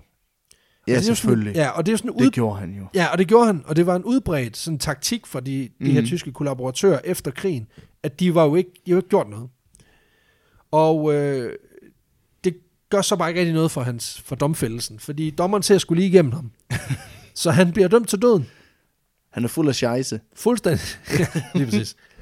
Han bliver dømt til døden, ligesom øh, mange af de andre fra både Petergruppen og Varulbevægelsen. Okay. Han anker. Ja. Og den bliver omstødt til 20 års fængsel, Nå, okay. Det var da altid noget. og han er ude efter tre. For, for virkelig god opførsel, eller hvad? Han bliver benådet af kongen, Ah. og så bliver han udvist for bestandigt. Nå. Så den her mand, han har begået 75 drab på danske mennesker, Mm. Og siddet tre år i fængsel. Og så har kongen sagt, Lige præcis. smut du bare med dig. Jamen, jeg ved, altså, alle, benådes, alle benådninger, der bliver givet i Danmark, bliver givet af kongen. Ja, Ja. Det bliver skruet. Jeg ved ikke, jeg tror ikke, at, at, at kongen har sagt, ham der, han virker som en knibbelfin fyr. Nej, det tror jeg heller ikke. Jeg tror, det, han skal bare skrive under på det. Lige præcis. Og øhm, det, der så sker, det er, at han bliver jo udvist for bestandigt. Mm. Og så øh, går sporet ligesom koldt, fordi han rykker tilbage til Tyskland. Men det vi så ved fra nogle nye filer, som er blevet Mm. lukket op fra det amerikanske centralregister i, i starten af nullerne, det er, at der i 1953, der bliver der oprettet en ny personalmappe på Horst Diesel Nå, i CIA. okay. Så, øh, og derefter er der ikke nogen, der ved, hvor han er blevet af. så han har arbejdet for CIA igen i hvert fald. Det ved vi. Eller det, der er i hvert fald bare blevet oprettet en, en, en, en mappe i HR-afdelingen. Mm. Så det antager man jo bare. Nå. Så han hopper bare tilbage i Spy Life. Shit. Nå. Ja. Og det er jo sådan set dagens historie. Ja. Næsten. Fordi, nu skal vi lige plukke lidt. Fordi den her historie, den, er, øh, den kommer faktisk af, at det her afsnit af vores podcast i dag, er jo Mm. et sponsoreret af- slagsen faktisk. Ja. Og øh, det er det første, det er, Det er noget, vi prøver. Øhm, og det er fordi, at vi har indgået et samarbejde lige på det her afsnit med en, hvad hedder det, et foretagende, der hedder BookBeat. Lige præcis. Og de leverer lydbøger til din øregang, og øh, det er faktisk der, jeg har fundet inspiration til den her historie. Fordi jeg har hørt lydbogen De Danske Vareulve af øh, Erland Let Pedersen, som i 2015 falder over en gammel pakke på loftet på Politigården i København. Og i den her pakke, der finder han nogle genstande, som er blevet brugt til at skabe de her falske identiteter. okay. Han finder nogle stempler blandt andet, som er, øh, altså, som er blevet stjålet fra forskellige øh, officielle myndigheder. Han finder nogle ikke, ikke færdiggjorte identite, øh, identifikationspapirer, og så finder han en masse håndtegnede kort over nedgravede våbendepoter. Og han har så åbenbart tidligere været med til at kuratere en udstilling, som også handlede om vareulvebevægelsen på Politimuseet, så hans interesse er vagt. Og han begynder at ligesom komme på sporet af den her bevægelse, og i den her lydbog, som var cirka syv timer, der får man ligesom endnu flere vilde detaljer, end det jeg lige kan udfolde mm. på, på den her tid. Ikke? Så jeg tænker, at, at hvis man synes, at det her det lyder vildt, og gerne vil have, hvad kan man sige, hele historien, blandt andet historien mm. om, at øh, der, er- der er tre af de der depoter, man ikke vidste, om var blevet fundet. Og dem går han så faktisk på jagt på, for, øh, for simpelthen at finde ud af, om de er eksploderet, eller om de er blevet hentet, eller hvad der er sket Hold da kæft. Nå. Præcis. Så den kan man jo få en, lige få fortalt øh, den, hele den historie. Og det kan man gøre, hvis man ligesom prøver øh, at melde sig til det her BookBeat. Og normalt så giver de sådan noget 14 dage gratis, hvis du melder dig ind på bookbeat.dk. Men vi har så fået mulighed for at få udvidet den her prøveperiode, så I kan få det en måned gratis. Og øh, Det gør I simpelthen ved at gå ind på bookbeat.dk rules fordi selvfølgelig. Og øh, så får man lige en måned gratis. Og altså, igen, det er en, det er en super fin lydbogstjeneste, som, mm. som de jo kommer med masser af, af godt indhold, både på, på dansk, på engelsk, men faktisk også på, fordi det er et svensk foretagende, så er der både på svensk og på norsk, hvis man nu er til den slags. Øhm, og så er der en tilhørende app, som fungerer øh, rigtig, rigtig fint. Den er super over, overskuelig, kan man sige, og mm. en af de ting, jeg fandt ud af, som faktisk var ret fedt, det var, at, øh, det ved jeg ikke, om du kender, men det gør man i hvert fald, hvis man har store bjørnelapper som mig og en lille telefon, det er, at hvis man lige tænker, man lige spoler mm. et minut, og så spoler tre og en halv time i, i, ja. i sin bog, og man ikke kan finde tilbage til, hvor man kom fra. Der har de simpelthen indladet sådan en funktion, så hvis du bare lige spoler lidt for meget frem, så kan du trykke på en knap og komme tilbage til, til udgangspunktet. Og det er, og det er bare sådan, det er, er smart. Præcis, og det er bare sådan en lille ting, som bare... Altså, jeg har gjort mm. det i hvert fald 7-8 gange i løbet af den tid, jeg hørte det her, hvor jeg bare tænkte, det var sgu alligevel meget rart, at jeg skulle til at mm. hoppe frem og tilbage og høre tingene tre gange. Så øhm, giv det et skud. Ja, og netop fordi, at det her afsnit er sponsoreret, og ikke er øh, resultat af et, øh, et samarbejde, men det er simpelthen BookBeat, der henvendte sig til os og har sagt, at jamen, hvis vi øh, havde lyst til at bruge en af deres bøger som, som grundlag for en historie, så ville de gerne gå ind og økonomisk støtte podcasten. Og der var virkelig en god, et godt udvalg derinde. Yeah. Så, øh, så det var derigennem, at, at du fandt den her historie. Øh, men netop fordi, at, at vi, vi, vi får penge for BookBeat for det her afsnit, så... Holder øh, vi den her fri fra den, andet? Ja, den, øh, den bliver ikke trukket på tier. Der er ikke noget der. Nej. Øhm, så det er bare lige ja. til, de, til, ja, til vores øh, trofaste tier støtter. Bare rolig. Vi, øh, vi kører ikke dobbelt Ja, we are covered, så mange, boys. Så mange penge skal vi heller ikke bruge. Nej, det er det. Men altså, jeg, jeg mener det ramme alvor. Altså, nu har jeg hørt en 3-4 bøger derinde i løbet af den tid, vi har, vi har, mm. øh, jeg har siddet og researchet på det her. Jeg har også hørt nogle af de andre til nogle andre historier, jeg gerne vil, jeg gerne vil øh, fortælle jer. Det, det er sgu bare, det er sgu bare knibbelfin øh, app, og det fungerer bare så godt. Så, øh, så hvis I står og mangler jeres næste øh, lydbogs-app, så giv lige BookBeat et, øh, et skud. Ja. Og som sagt, det er på bookbeat.dk-ausburg rules, så får du lige en måned gratis. Fedt. Og der kan I så lytte til de danske vareulve, som et godt bud. Vi skal lige have placeret den her på vanvidsbarometer. Det skal vi nemlig. Og jeg vil gerne høre, hvad du ligesom lige tænker, fordi jeg er godt med på, det her, det er ikke uh, Cray Cray mand sælger Eiffeltårn. Det er jo meget mere tung historie. Mm. Øh, meget byråkrati, mange organisationer. Øh, men, men det kan jo også et eller andet. Altså, jeg er måske sådan... Øh, 68. Det, det er et godt bud. Og det, øh, det har noget at gøre med, at det er jo... Det, det, det, jeg, jeg tror ikke, at det er, det er en vild historie, men det er også alt det her med det her guerilla warfare, og det her med at bruge de her små celler, det er jo ikke en ny ting. Overhovedet Det er bare vildt, at det er sket i det omfang, det er sket i Danmark under besættelsen. Ikke? Lige præcis. Øh, og at det er sket her på, på dansk grund, hvor vi ikke altså, overhovedet er vant til den form for krigsførelse. Nej, lige præcis. Øh, så det er jo det, der gør den unik, og det er det, der gør den spændende, men ligesom kan trække nogle tråde til, til, til, Lige præcis. til, til den danske besættelse. Ikke? Men, jo, og, øh, og plus at den har jo også det der aspekt, synes jeg jo af, at, at, at altså, den trækker jo ligesom på nogle, nogle ret vanvittige øh, krigstaktikker, som man har mm. kendt længe før, men har jo også været med til at danne grundlag for måske lignende organisationer mm. efterfølgende. Ja, det, altså vi har bare set mønstret bagefter, som er blevet mere og mere udbredt, desværre. Helt sikkert, helt og, sikkert. Og det er, jo, det er jo også det der med, at når det, når det er det originale, det originale øh, ubehag, så, øh, så kan det lige lidt mere. OG. Så, øh, Men det, jeg synes 68, det synes jeg godt, vi kan... Det er fint. Det synes jeg, den er sgu købt. Så... Øh, 68, I 68 til vareulvene. Til, til de danske vareulve. Øhm, og så vil jeg da bare lige sige til, til dig, kære lytter, tusind, tusind tak, fordi at du her bliver hængende. Ja. Tusind tak, fordi at du lytter med i det nye år. Mm. Jeg håber, at øh, I var glade for vores lille jule ja. gøjl, vi fik lavet. Jeg vil også sige, det er dejligt at komme videre og snakke om noget andet end jul. Ja, det er det. Nu. Altså, det, er, det er overraskende begrænsende, når man er vant til at have hele verdenshistorien, og så bare skal tage noget om jul. Og det lyder ikke, som om det er begrænsende, men det er det altså. Ja, ja. Men Så. det, øh, ja. Øhm, vores næste afsnit er et øh, Pixie-afsnit. Ja, tak. Øhm, og derefter så bliver det jo lidt specielt. Ja, det gør fordi det. Der, øh, vi har jo vores testshow her i Aarhus på Tierne Nok. Det har vi. Øh, den 15. januar, som bliver optaget med henblik på, at vi udgiver det den 19. januar. Ja, det må det være. Må det, det må være, være, ja. ja. Øh, så der kan I simpelthen høre vores allerførste live optagelse, live afsnit. Så det bliver også det bliver super spændende. Det er noget af det, vi glæder os til i det nye år, det er de her live optagelser. Og vi kan sige, at der kommer et show mere i København. Altså udover det, vi har annonceret. Ja, altså vi har jo vi har et show i... Vi har et show i København. At nu skal vi lige være... Det er fordi, det, det er sådan lige kommet på plads. Men vi har simpelthen et show den 1. marts, på Hotel Cecil i København, præcis, om aftenen. og der er udsolgt. Der er udsolgt. Så det, det, det kan I ikke komme til. Nej, Men det kan komme til. det er Det et samme show. et show på Hotel Cecil i København den 1. marts. Men, Præcis. men inden det andet, så det er sådan, Vi kører to. vi skal lige have tid, tidspunkt på plads, men det bliver sådan halv fire, fire. Lige præcis. Så det er en eftermiddags ting. Øh, I kan gå ud og spise bagefter. Mm. Og øh, så finder vi sgu ud af, at der er også noget øl og noget sager. Ja. Og det, skal, det er bare lige sådan øh, lynhurtigt. I får ikke... Det er ikke samme historie. Bare roligt. Nej. Det bliver to separate historier, så det er ikke det samme. Så hvis du nu er typen, der er hardcore nok, så køber billetter til begge to, så må du godt hænge med os imellem. Ja, altså, det, vi skal også have noget at spise. Ja, præcis. Men, så hygger vi.